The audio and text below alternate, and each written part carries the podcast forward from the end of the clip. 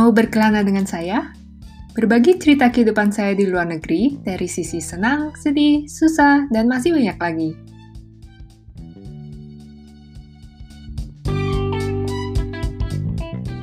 Kembali lagi bersama Berkelana Podcast. Uh, special guest untuk minggu ini adalah Naomi. Nah, Naomi ini punya banyak cerita menarik ya, karena dia sekolah menengah di Singapura lewat jalur beasiswa dan kuliah di Jepang itu juga melalui beasiswa.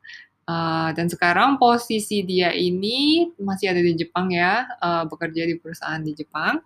Nah, Naomi bantu-bantu, eh bantu share dong cerita-cerita uh, tentang uh, gimana dapat beasiswanya dan kenapa pindah ke luar negeri.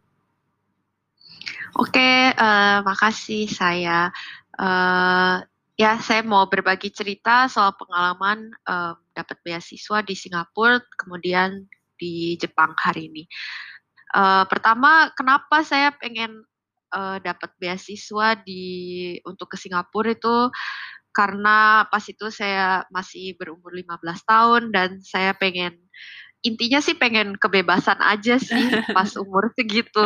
Jadi uh, dan uh, mungkin nggak semua keluarga seperti seperti keluarga saya, tapi mereka sangat restrik restriktif. Uh, misalnya nggak boleh keluar sampai malam, nggak boleh ke konser musik atau festival hmm. musik Eh, nggak uh, boleh naik kendaraan umum, banyaklah pokoknya yang nggak dibolehin. Jadi intinya saya pengen keluar ke negara beda karena ingin bebas aja. iya. Oh, Terus gimana uh. saya bisa uh, dapet jal apa tahu tentang beasiswanya itu karena mereka suka pasang iklan di, di uh, Kompas pas itu. Kemudian saya juga ketemu info dari online-online gitu tentang uh, beasiswa dan salah satunya itu beasiswa ASEAN yang saya apply dan dapat untuk ke Singapura. Hmm. Boleh cerita-cerita nggak kayak uh, gimana caranya dapat beasiswanya dari jalur aplikasi uh, apply-nya ya sampai dapatnya itu gimana?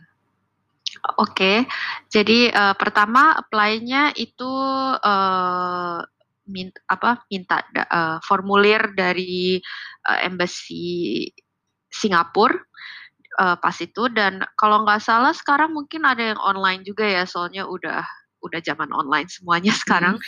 Jadi bisa aja cek di uh, website Ministry of Education ASEAN Scholarships dan uh, lihat uh, apa namanya eligibility eligibility-nya dan uh, info-info kapan harus um, apply dan uh, seleksinya tahap seleksinya dan segala macam. Jadi habis submit formulir uh, untuk daftar, kemudian saya dipanggil buat uh, tes, ada tes bahasa Inggris, tes IQ dan tes matematika pas itu. Dan uh, kalau lulus tesnya bakal dipanggil buat interview dan habis interview ya kalau dapat ya dikasih tahu dapatlah hmm. begitu hmm, hmm. prosesnya. Uh, kalau dari awal uh, yang aplikasi itu, formulir hmm. itu ada ini nggak minimum uh, nilainya harus berapa? Kan kalau mm image saya kan anak beasiswa itu pinter banget kan. Apa nilainya harus 10 semua gitu. Uh, Oke, okay, saya baru aja ngecek uh, info terbaru di website Ministry of Education-nya Singapura. Jadi ini nih ditulis uh, pokoknya harus lahir dari tahun berapa sampai berapa, terus uh, oh. bisa bahasa Inggris, uh, pernah ngambil UN atau sekarang lagi di SMP 3 dan ada nih tulisannya uh, konsisten dengan uh, hasil ujian gitu. Tapi itu nggak ditulis um, mesti dapat nilai berapa. Jadi saya hmm.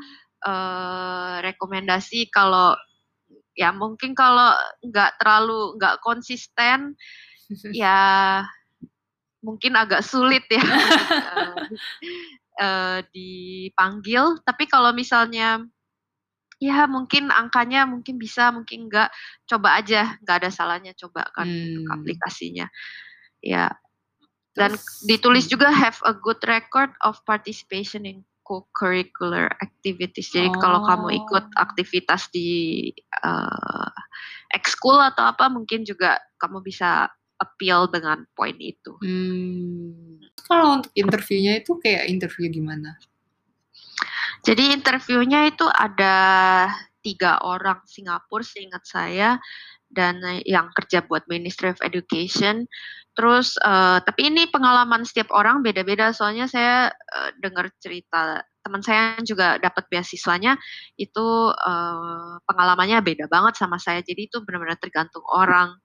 Jadi uh, kebanyakan sih saya ditanya kenapa mau berminat mau ke Singapura dan mereka juga uh, mau tes kemandirian atau misalnya pertanyaan-pertanyaan yang nanya kayak kamu bisa beneran bisa nggak sendiri tinggal di sana gitu. Hmm. Jadi kamu harus siap-siap mental saja.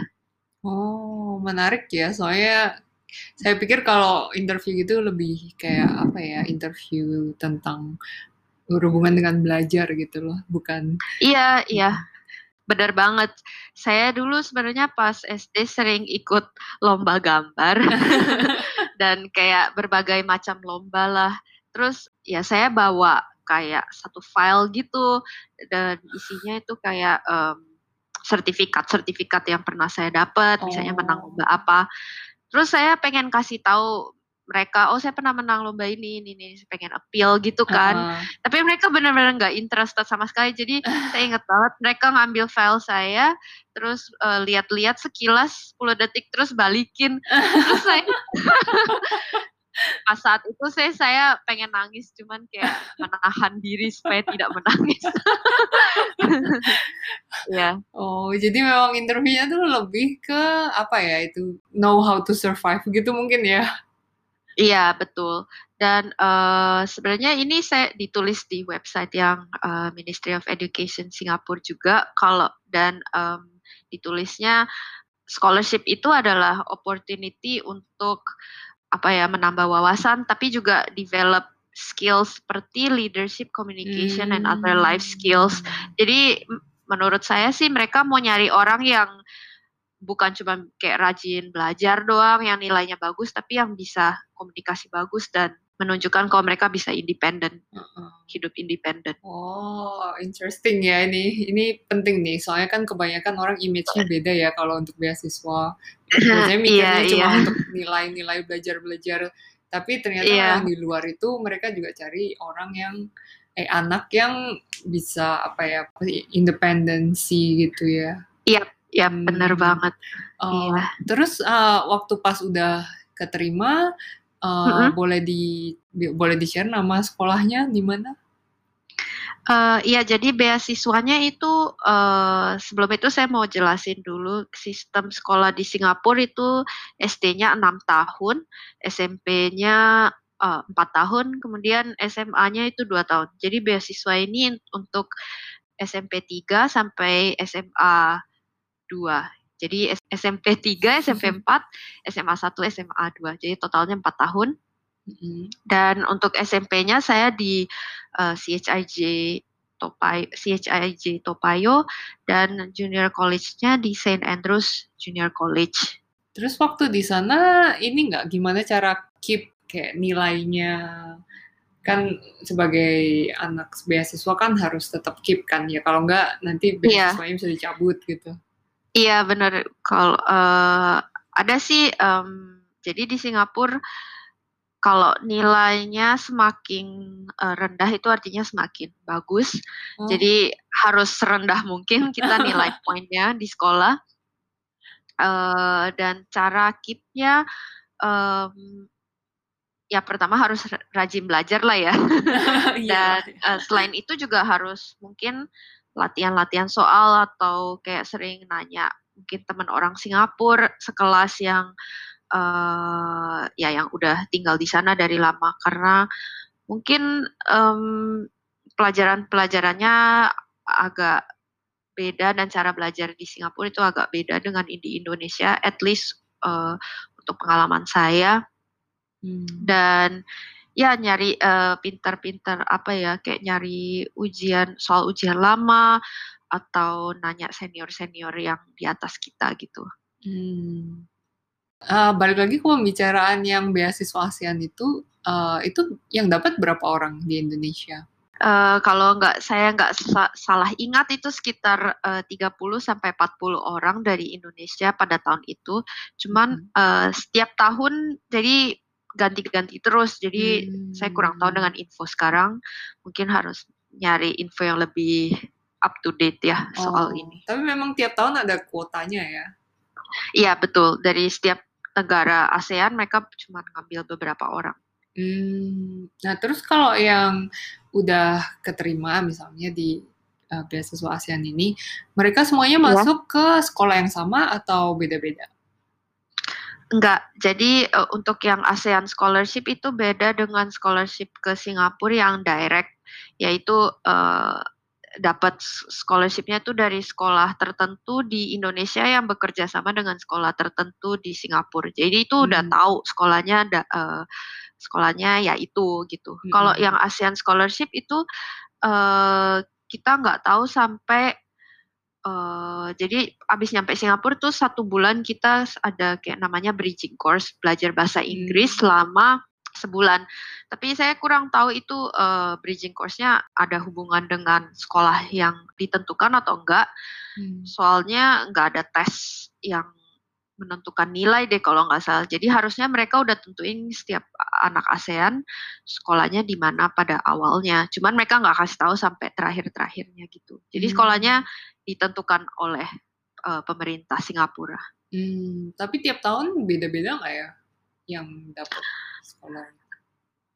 Sekolah yang dikirim ke untuk uh, ASEAN Scholarship ini uh, kayaknya sama-sama aja jadi nggak ada sekolah baru gitu yang ditambahin. Jadi oh. uh, sekolah yang di akan kalian masuk untuk kalau misalnya dapat ASEAN Scholarship ini adalah sekolah yang top-top di Singapura. Hmm, see, I see. Uh, terus kalau untuk ini ya uh, bicara bi mau bicarain hal-hal di luar sekolah ya, misalnya kayak lingkungannya atau uh, lifestyle yeah. di Singapura itu gimana? Berbeda nggak? Apalagi kan sebagai ini kan murid beasiswa ya, mungkin lebih banyak pressure gitu nggak? Iya, uh, banyak sih pressure apalagi, uh, untuk belajar karena ya harus karena harus keep nilai tertentu, uh, ya harus rajin-rajin belajar gitulah. Tapi, uh, serunya sih karena kalau sudah, uh, diterima itu kan tinggalnya di dormitory ya, jadi kayak, uh, banyak sekali bisa kenal bisa berteman dengan banyak orang dari berbagai macam negara dan juga ya bisa sekamar dengan mereka karena satu kamar itu uh, maksimal ada kamar yang sampai enam orang jadi ada hmm. satu-satu saya sekamar sama dari orang mana ya nggak cuma ASEAN tapi juga ada yang dari India ada Cina hmm. Vietnam jadi kayak uh, pokoknya bisa banyak bergaul lah dengan orang dari negara lain dan itu sih hmm. menurut aku sangat um, apa experience yang valuable banget ya yang nggak bisa hmm. didapetin kalau nggak dapet ini soalnya kan jarang-jarang banget nih ketemu banyak orang dari negara hmm. lain. Hmm. Nah terus kalau untuk sisi budaya ya mungkin Singapura kan mirip-mirip agak mirip Indonesia juga ya soalnya secara tetangga iya. gitu kan. Mm Uh, cuma ada nggak kayak uh, kayak istilahnya culture shock lah kalau waktu baru pindah di Singapura itu? Iya, uh, culture shock-nya itu uh, pertama sih pas saya baru masuk SMP 3 itu pertama bukannya culture shock sih karena pertama kali saya masuk uh, sekolah yang cewek semua uh-uh. SMP-nya dan kebanyakan itu kan orang Singapura bukan foreigner gitu jadi uh, saya merasa agak uh, shock gitu aja cewek semua terus kayak yang nggak kan bukan orang Indo gitu kan tapi um, lama-lama ya jadi kayak kalau bergaul dengan mereka sebenarnya mereka friendly banget padahal mungkin awalnya agak kalau misalnya masuk SMP 3 kan banyak yang sudah punya kayak temen dari SMP 1 kan. Mm-hmm. Jadi mungkin lebih susah untuk bergaul dengan orang-orang soalnya mereka udah punya kayak grup-grup sendiri mungkin. Uh-uh. Tapi kalau masuk junior college itu uh, semua orang udah semua orang kan mulai dari nol gitu loh. Mm-hmm. Jadi banyak banget uh, kesempatan buat bikin teman baru dan juga kan harus ikut semacam ekskul gitu di di Singapura kalau udah junior college juga ya. Mm-hmm. Uh, jadi kamu bisa ikut ekskul yang misalnya ada sports atau yang lebih kayak artistik gitu dan dari situ kamu juga uh, jadi bisa berteman dengan banyak orang dan uh, bisa bergaul lah dengan orang Singapura. Hmm. Nah kalau untuk sisi apa ya uh, lebih ke nggak enaknya atau kayak demerit gitu, kira-kira ada nggak pernah experience sesuatu nggak? Hmm, menurut saya sih uh, ya susahnya itu karena uh, ada pressure untuk selalu dapat nilai bagus karena uh, kan under beasiswa gitu ya mm-hmm. dan itu sih ya nggak enak lah karena nggak bebas tapi uh, dari dari sisi lain juga yaitu encourage supaya selalu um, lebih rajin atau gimana dan juga di dulu karena di dormitory kan yang tinggal di sana semua uh, foreign students juga jadi mereka semua. Kita semua istilahnya in the same boat jadi hmm. apa ya uh, kalau merasa males atau apa jadi pokoknya kayak nyari teman atau gimana ya bisa kayak bicara dengan teman atau mungkin uh, bisa belajar bareng gitu jadi dari situ mungkin jadi lebih independen dan juga lebih uh, grow sebagai orang sih Hmm, menurut saya. Nah, terus cerita dong kenapa kok tiba-tiba bisa nyambung ke kuliahnya di Jepang? Jadi uh, kebetulan pas saya di secondary school di Singapura, saya itu ngambil pelajaran art hmm. dan di pelajaran itu pernah ada kesempatan dapat kayak pergi ke Jepang untuk kayak study course gitu, tapi hmm. uh, art exchange course namanya. Hmm. Jadi um, secondary school saya di Singapura itu bekerja sama dengan kayak uh, high school di Jepang di Fukuoka dan mereka ada kayak semacam program exchange gitulah.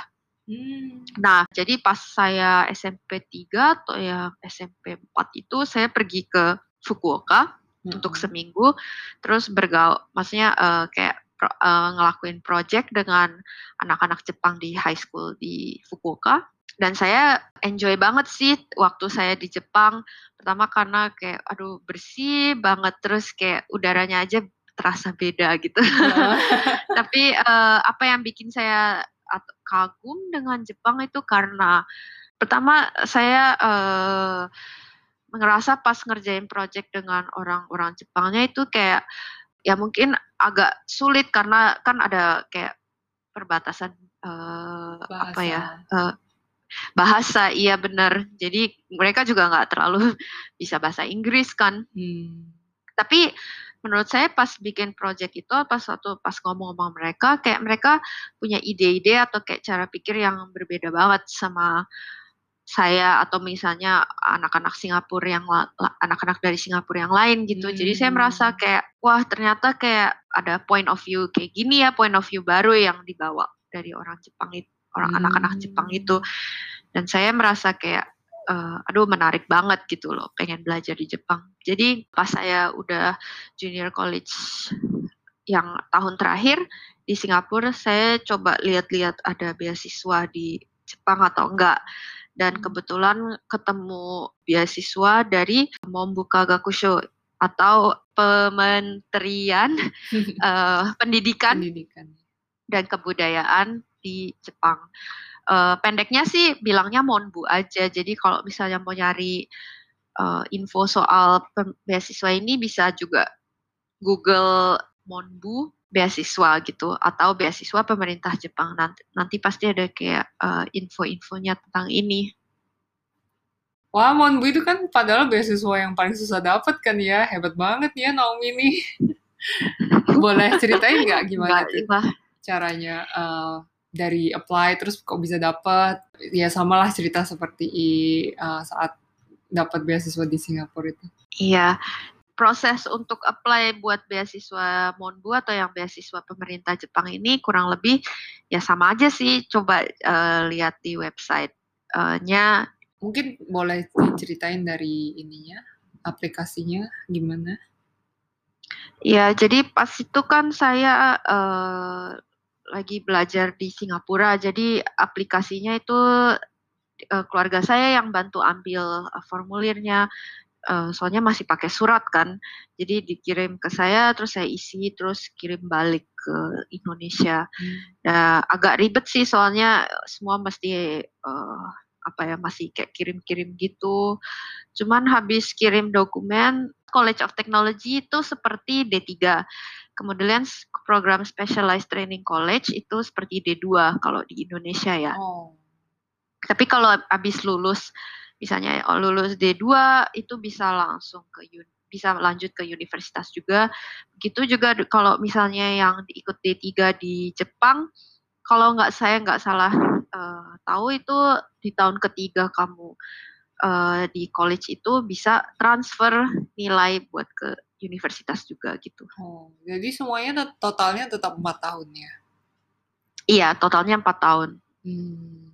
Kebetulan keterima buat tes dan tesnya itu saya ambil libur hmm, di Jakarta. sampai terbang terbang uh, iya terbang ke Indonesia hanya buat ambil tesnya. Kemudian juga pas di setelah lulus tes tesnya itu jadinya ada tes uh, karena saya kan mau S1-nya itu bukan uh, bukan yang science tapi arts. Jadi saya tesnya tuh cuma tes uh, bahasa Inggris, matematika, dan bahasa Jepang. Tapi tenang aja, saya nggak bisa bahasa Jepang pas itu.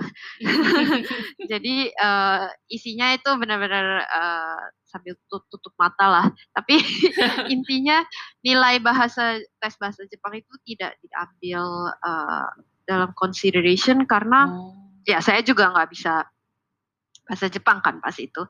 Jadi intinya ya untuk yang tes Inggris dan matematika saya uh, ya jawab sebisa mungkin lah yang bagus. Hmm. Uh, kalau misalnya untuk mau apply buat yang uh, College of Technology atau tergantung kamu mau ikut ambil jurusannya IPA atau IPS itu nanti beda lagi misalnya kalau mau yang IPA itu mungkin ada tes kimia atau biologi atau fisika. Hmm. Uh, pokoknya beda lah. Kan, tapi karena saya udah tahu pengen ambil IPS dan uh, pengen lanjut kayak di bisnis atau ekonomi, jadi tes yang diambil juga tes yang buat orang IPS gitu loh. Hmm, berarti probabilitas orang untuk uh. dapat yang undergraduate itu kan orang anak yang diambil tuh lebih sedikit dibanding kalau ambil D3. Jadi oh. uh, untuk tahun saya yang da dapat S1 itu dari Indo uh, Indonesia itu lima orang, kemudian yang dapat D3 kok nggak salah sekitar 25. Oh. D2 itu sekitar 6 atau 8 orang saja. Ini dari oh. seluruh Indonesia. Jadi uh, sebenarnya kebanyakan yang apply saya rasa itu buat yang D3, D3. sih. Ya hmm. mungkin juga chance untuk dapetinnya lebih besar D3 mungkin. Uh, itu kan habis itu bisa kalau nilainya juga bagus habis itu bisa apply buat scholarship juga untuk uh, lanjut misalnya uh, ke universitasnya atau lanjut bahkan banyak orang yang lanjut sampai S1, S2, S3 gitu setelah ngambil D3 di Jepang. Oh, itu juga semuanya hmm. dari Monbu. Betul dan kalau misalnya sudah dapat D3, iya banyak yang uh, yang di uh, sorry S2 S3 juga ada dari Monbu juga. Oh wah. Ya. Kalau untuk sekolahnya uh, itu bisa pilih sendiri nggak? Iya, sekolahnya uh, saya hanya bicara soal yang S1 aja ya. Hmm. Kalau yang S1 itu sekolahnya bisa dipilih sendiri, tapi limited ke national public schools oh. di Jepang. Jadi yang punya apa ya government school gitulah. Ya, Jadi uh, gitu juga ya.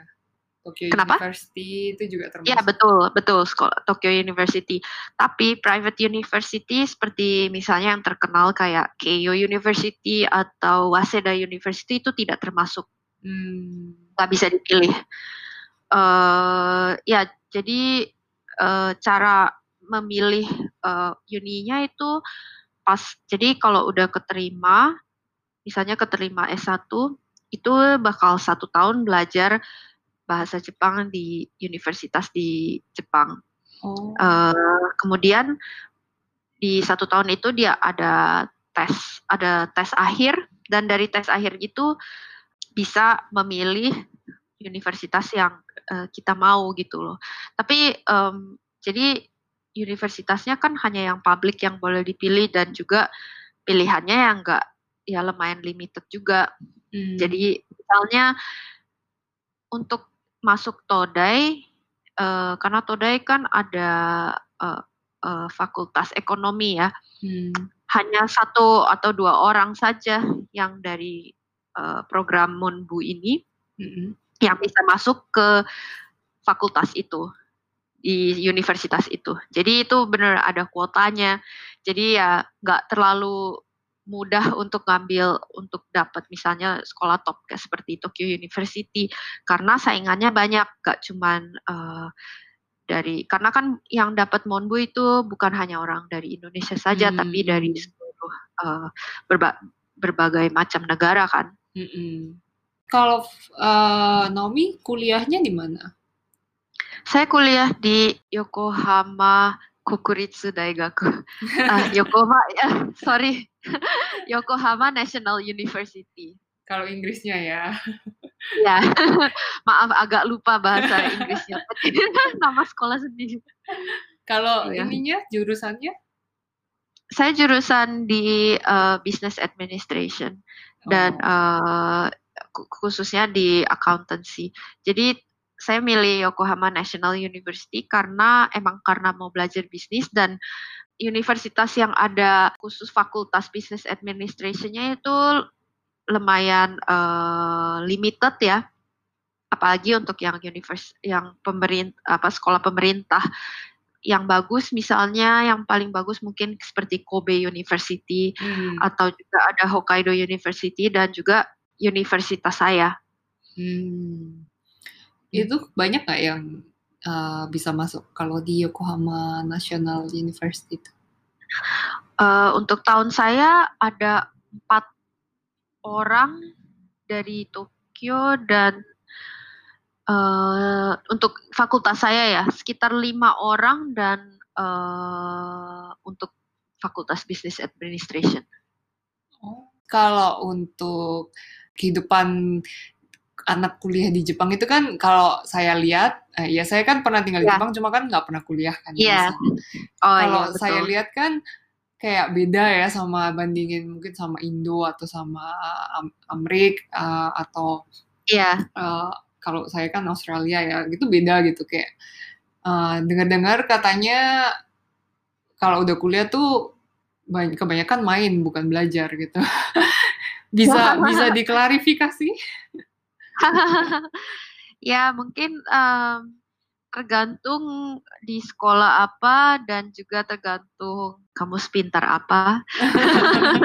tergantung ya jurusan juga dan tergantung lingkungan kamu sih uh, menurut saya.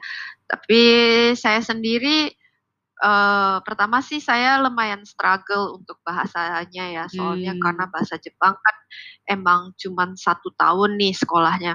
Iya. Yeah uh, maksudnya uh, kursus bahasa Jepangnya hanya setahun dan menurut saya sih kurang ya. Uh, menurut saya mungkin lebih bagus kalau kayak satu setengah sampai dua tahun baru masuk universitas karena tiba-tiba masuk uni itu kan apalagi bukan yang pelajarannya semua bahasa Jepang tiba-tiba jadi pertama sih saya struggle untuk kayak mengerti pelajarannya. Uh -uh. Jadi pas itu sih saya uh, awal-awal karena profesor atau kayak pas ikut uh, lecture gitu, saya nggak terlalu ngerti profesornya ngomong oh. apa. Jadi saya kayak uh, beli apa tape recorder gitu, jadi saya rekam aja oh. gurunya ngomong apa dan di review lagi. Uh, uh, uh. Untungnya sih karena saya dulu uh, akuntansi, jadi um, pelajaran awal-awalnya itu nggak uh, ada banyak juga yang berhubungan dengan matematika. Hmm. Jadi karena masih ada angka-angka, jadi ya masih mengerti lah ya. Tapi kalau udah yang benar-benar kayak konsep atau teori gitu, lumayan susah sih hmm. uh, di mengertinya. Hmm. Tapi kayaknya banyak ya kayak uh, kemarin ini juga teman saya yang orang Jepang yang sekolah di Amerika juga waktu nggak ngerti bahasa Inggris dia juga nge-record kayaknya banyak ini ya katanya semua orang pada suka iya. nge-record. Iya, uh, iya. Yeah. Oh, tapi balik ke pertanyaan kamu, main atau enggak? Bisa dibilang saya banyak main pas tahun uh, ketiga, ketiga dan keempat mungkin ya. Uh, tapi menurut saya penting juga ya untuk main, apalagi kayak bergaul dengan nggak nggak cuma dengan foreigner tapi juga orang Jepang. Ya mumpung kan udah di sekolah Jepang, masa nggak temenan sama orang Jepang kan? Iya benar. Jadi saya ikut uh, uh, di Universitas Jepang tuh ada yang namanya uh, ekskulnya tuh ada yang namanya bukatsu dan sakuru. Jadi bukatsu itu yang lebih intensif gitulah, misalnya kayak uh, yang uh, ekskul olahraga gitu.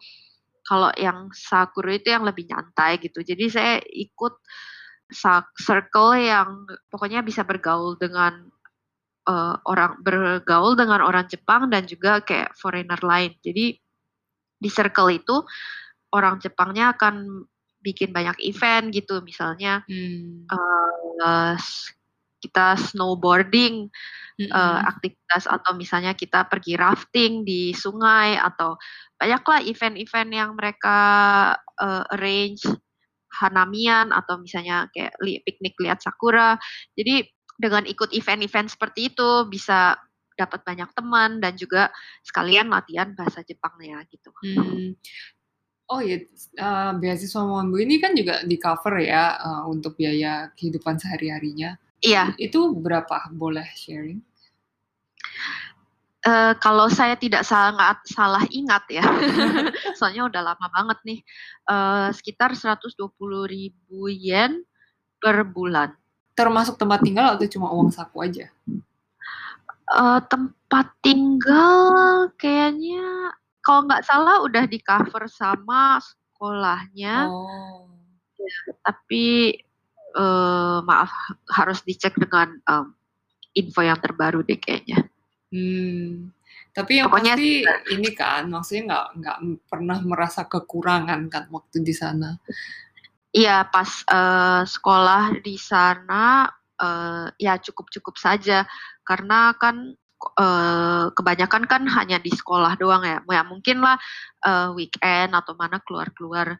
Tapi uh, menurut saya itu ya kalau nggak boros ya cukup-cukup saja uang sakunya. Hmm. Dan juga pas di universitas banyak sekali orang yang nggak uh, cuma orang Jepang, eh maksudnya nggak cuma foreigner, tapi orang Jepang juga banyak yang namanya kerja part time.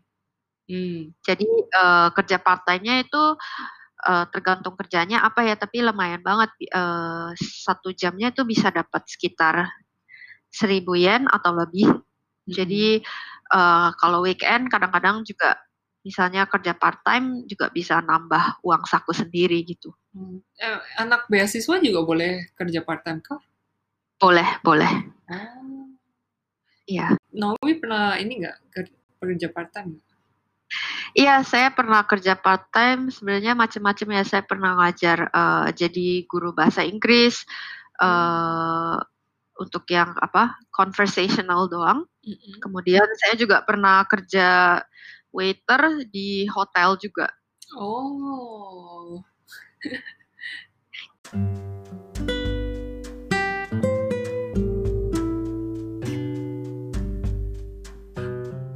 Penasaran buat kelanjutan cerita Naomi ini? Hari ini kita berbagi cerita tentang beasiswa dan pengalaman Naomi belajar di Jepang. Nah, minggu depan akan ada lanjutan lagi tentang pengalaman Naomi mencari kerja di Jepang dan cerita-cerita bekerja di perusahaan Jepang sampai sekarang. Jangan lupa tune in di Berkelana Podcast lagi minggu depan ya. Hope you enjoy the podcast today and don't forget to follow Berkelana Podcast. And if you have any questions, feel free to submit it through anchor.fm slash berkelana hyphen saya. See you on the next episode.